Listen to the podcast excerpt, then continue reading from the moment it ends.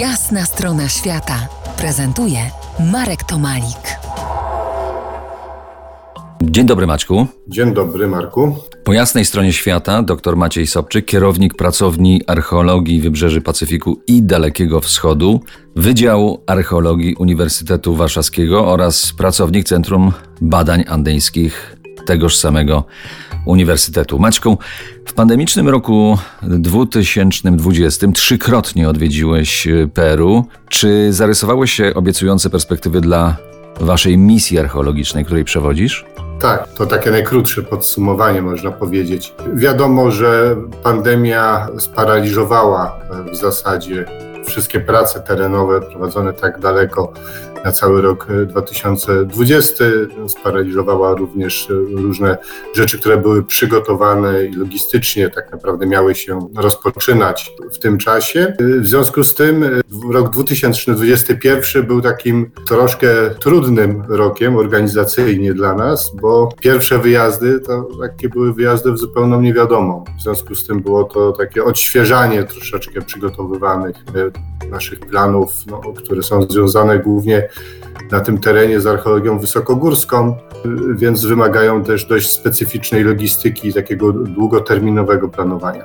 Przed pandemią rozpoczęliście badania na lodowcu Koropuna wysoko, bo to 6000 metrów nad poziomem morza. Czego, kogo tam szukaliście? Ludzi składanych w ofiarach? Dokładnie tak. Chodzi o takie specyficzne ofiary, które nazywane są kapach kocza. Spektakularne odkrycia, e, przede wszystkim Johanna Reinharda, no w jakimś stopniu nas e, zdeterminowały do tego, żeby kontynuować jego badania. Udało nam się zlokalizować i zweryfikować takie pionowo prowadzące szlaki komunikacyjne, ścieżki tak naprawdę, chociaż możemy je nazywać też drogami, y, którymi poruszali się ludzie, przygotowywali z jednej strony prawdopodobnie od strony logistycznej proces składania ofiar przeprowadzania ceremonii w obrębie lodowca, jak i na takich bardzo wysoko położonych stanowiskach archeologicznych bezpośrednio u jego stóp. Bardzo wysoko, to mam na myśli wysokość rzędu 4700-5000 metrów nad poziomem morza. I właśnie od tych stanowisk, które już są ekstremalnie wysoko, znaleźliśmy ślady po prostu które wskazują na to, że e, no, ludzie przemieszczali się wyżej.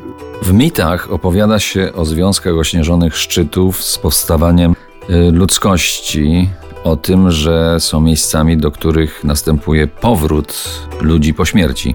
E, nie brak opowieści o rajskich dolinach lub jaskiniach ukrytych przed zwykłymi śmiertelnikami, w których żyją mieszkańcy wiecznie.